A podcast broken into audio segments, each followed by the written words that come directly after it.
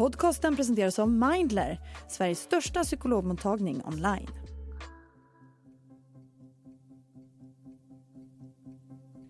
Det är många som inte spottar i glaset i vårt avlånga land. Nya siffror visar att över 3 miljoner svenskar dricker så pass mycket alkohol att det räknas som riskbruk. Gränsen för riskbruk kommer från Socialstyrelsens riktlinjer där gränsen är 10 standardglas per vecka eller fyra per tillfälle minst en gång i månaden. Enligt Centralförbundet för alkohol och narkotikaupplysning dricker 41 procent av de vuxna i Sverige mer än det. Enligt förbundet underskattar folk ofta sitt drickande, så siffran är förmodligen högre. Det var i höstas som Socialstyrelsens nya riktlinjer kom med buller och bång och väckte mycket kritik. Trots de nya rekommendationerna är det många som passerar gränsen för vad som anses vara ett riskbruk enligt den nya rapporten från Centralförbundet för alkohol och narkotikaupplysning. Samtidigt som svenskarnas drickande har blottlagts så visar en ny studie hur alkohol påverkar hjärnan. Det handlar bland annat om att den naturliga krympningen av hjärnan kan snabbas på, även när det gäller små mängder. Så i dagens avsnitt av Aftonbladet Daily så kommer vi att prata om svenskarnas riskbruk, om de nya riktlinjerna är rimliga eller inte och vad den nya forskningen säger om alkoholkonsumtionen. Jag som är med dig heter Ellen Lundström. Gäst är Sven Andreasson som är professor emeritus vid Karolinska institutet, alkoholläkare och har varit med och skrivit den nya rapporten Alkohol och hjärnan. Över tre miljoner svenskar dricker så mycket alkohol att det räknas som riskbruk. Men vad anses egentligen som riskbruk, Sven? Det är bruk av alkohol som medför ökad risk för, för eh, hälsoeffekter, eh, både fysiska och psykiska. Sen eh, de nya riktlinjerna kom så, så har man ju sänkt gränsen för riskbruk så att nu säger man att 10 glas i veckan eller mer är riskbruk.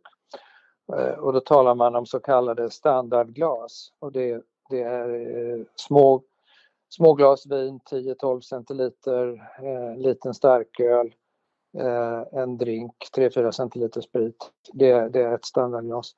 Och dricker man 10 sådana eller fler så, så talar vi om ett riskbruk.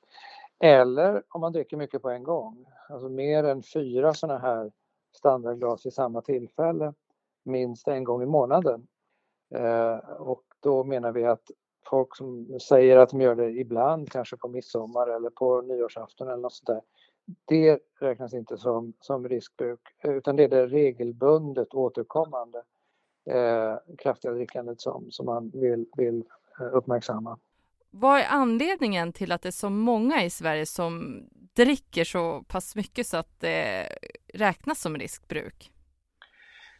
Eh, det är ju för att eh, alkohol är en sån integrerad del i vår kultur, och vårt sociala umgänge och levnadsvanor. Eh, så att det, det har blivit en ganska självklar del för många. Och eh, vad som hänt med forskningen är att det gradvis har blivit tydligt att alkohol utövar effekter även i eh, mängder som inte är så höga som man trodde tidigare. Så att det som många betraktar som ett ganska eh, måttligt ordinärt drickande är faktiskt eh, något som höjer risken för en del sjukdomar och därför kallar vi det för riskbruk. I september så kom det nya riktlinjer gällande vad som räknas som riskbruk, vilket väckte mycket uppståndelse och kritik. Vad tycker du om riktlinjerna? Ja, nej men de, de illustrerar just det här att det, det är liksom en eh, ny situation där gamla vanor nu blir ifrågasatta.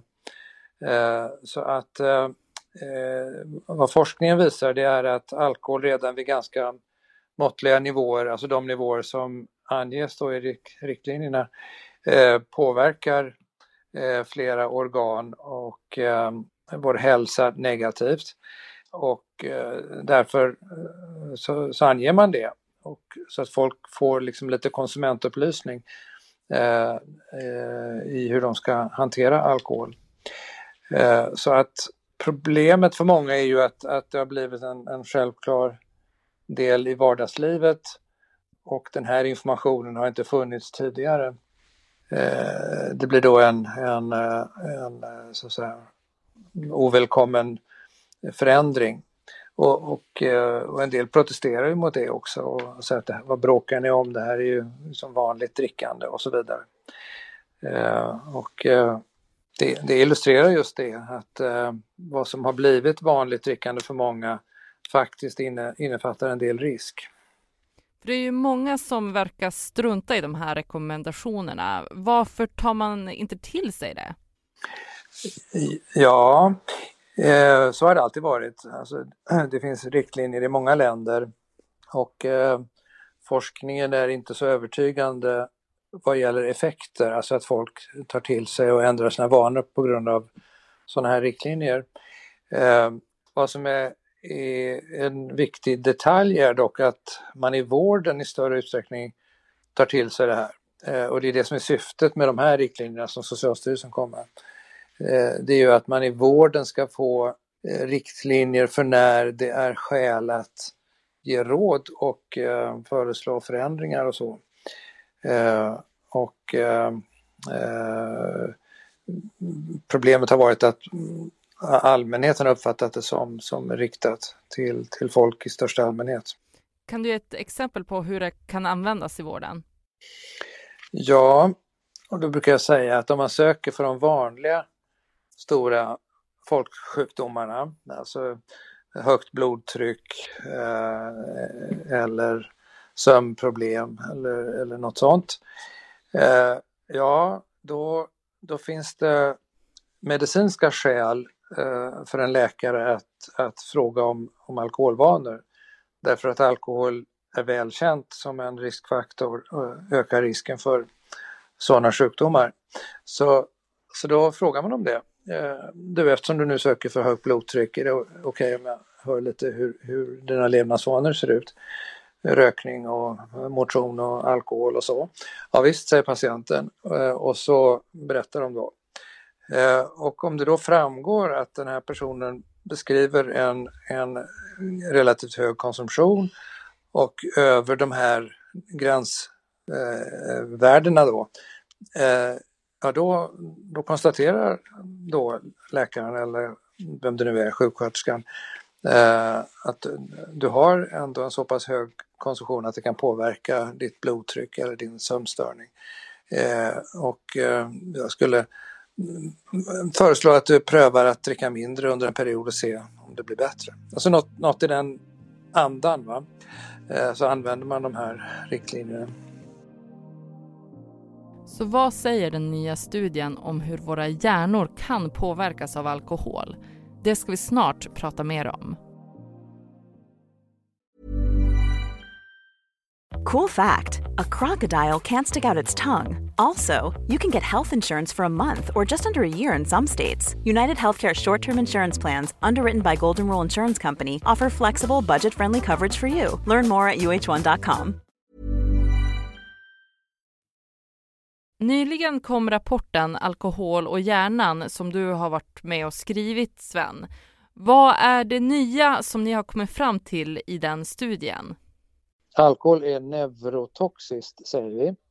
Och det betyder då att det är giftigt för hjärnans celler, nervcellerna, eh, som hjärnan består av. Och eh, då ser vi att alkohol påverkar negativt alla funktioner som hjärnan har. Och det är väldigt många, väldigt mycket påverkas ju av vad som händer i hjärnan.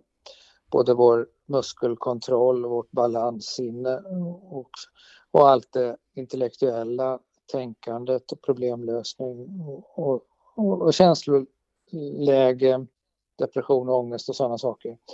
Och då kan vi konstatera att, att alkohol spelar roll för allt det där. Eh, och att risken för eh, sjukdomar i, i de delarna ökar eh, när man dricker och ökar sedan i, i takt med att konsumtionen ökar.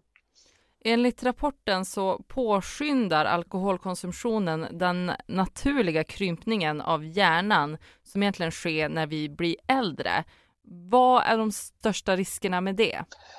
Eh, ja, alltså man, man äh, åldras i förtid. Det är ju det som händer och får sämre funktion i de här olika eh, delarna i hjärnan. Eh, så att eh, normalt så åldras ju eh, alla, alla, alla delar av kroppen, eh, liksom hjärnan då, och den, den krymper. men då accelereras den krympningen och funktionen i de här olika eh, delarna i hjärnan försämras snabbare än vad som skulle ha varit nödvändigt. Och med tanke på det, vad tänker du om att det är så pass många som dricker på ett sätt som räknas som riskbruk i Sverige? Ja, det är ju en, det det är en, både en pedagogisk uppgift och en, en vårduppgift. Alltså att äh, människor har ju rätt att välja sin, sin livsstil och vilka val de vill göra för att fatta beslut om. Men vi har en skyldighet att lägga fram ett bra underlag eh, så att det finns fakta i målet när man fattar sådana beslut. Eh, och eh, egentligen så har utvecklingen i Sverige varit positiv de senaste 20 åren där folk i allmänhet har dragit ner på sin alkoholkonsumtion I synnerhet unga människor som är ju de som fortfarande dricker mest. Men där har minskningen varit störst, vilket är utmärkt. Undantaget är de äldre, alltså över 65, där, där konsumtionen tvärtom har ökat då de sista 20 åren. Eh, och det är ett bekymmer för att eh, äldre människor är mer sårbara för de här effekterna. Eh, så att dels, dels tål man inte samma mängder alkohol som tidigare eh, och dels så reagerar kroppens olika or, eh, organ sämre på alkohol än tidigare. Det har ju kommit fram att unga personer drabbas hårdare av alkoholkonsumtion än vad man tidigare har trott. Vad kan det få för konsekvenser? Ja, vad vi säger i, i rapporten är att, att mycket tyder på att det, det kraftiga drickandet under tonåren som, som var ett större problem tidigare men fortfarande är ett problem för ganska många. Eh, det sätter spår som man har med sig sedan under vuxenlivet och ökar risken då för, för eh, sjukdomar i hjärnan under vuxenlivet. Eh, och de, de två exempel vi ger i rapporten är, är dels alkoholberoende som eh, har man preppat hjärnan under de här tonåren med kraftigt återkommande berusningsdrickande så är man mer sårbar och utvecklar lättare ett beroende av alkohol. Eh, och det andra är, är, är demensutveckling. Att, eh, eh, de som har, har den här historien av kraftigt ryckande under, under de år då hjärnan utvecklas fortfarande, det gör de ju då under tidig vuxen ålder, de, de utvecklar demens så att man har en kraftig ökning i risk för tidig demens. Eh, alltså före 65 års ålder. Sven, skulle du säga att det finns några tydliga tecken på när det är dags att ändra sättet som man dricker alkohol? Jag tänker att när man känner att man inte har kontroll, att man börjar tappa kontrollen över sitt drickande. Att, att det blir mer och oftare än man egentligen tycker det är vettigt. Eh, då, då bör man tänka sig för och, och eh, eh, försöka planera för en minskad konsumtion. Eh, och man kan engagera då närstående om man är, lever i ett, i ett förhållande ta upp det därför att det är där man oftast får det bästa stödet att göra en förändring då. Ehm, så, så att eh, det finns, det finns ju en del tydliga markörer. Eh, återkommande kraftiga berusningsepisoder eh, är en sån. Eh, påpekanden från människor som, som man eh, har förtroende för. Och då ofta en partner eller en god vän eller någon på jobbet eh, som, som säger något om ens drickande. Det, det är viktiga signaler då. Sist här Sven Andreasson, professor emeritus vid Karolinska institutet och alkoholläkare.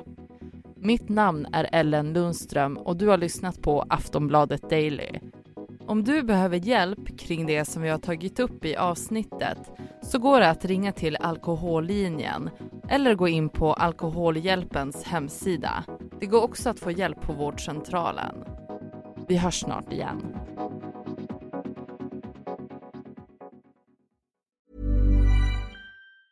Tired of ads barging into your favorite news podcasts?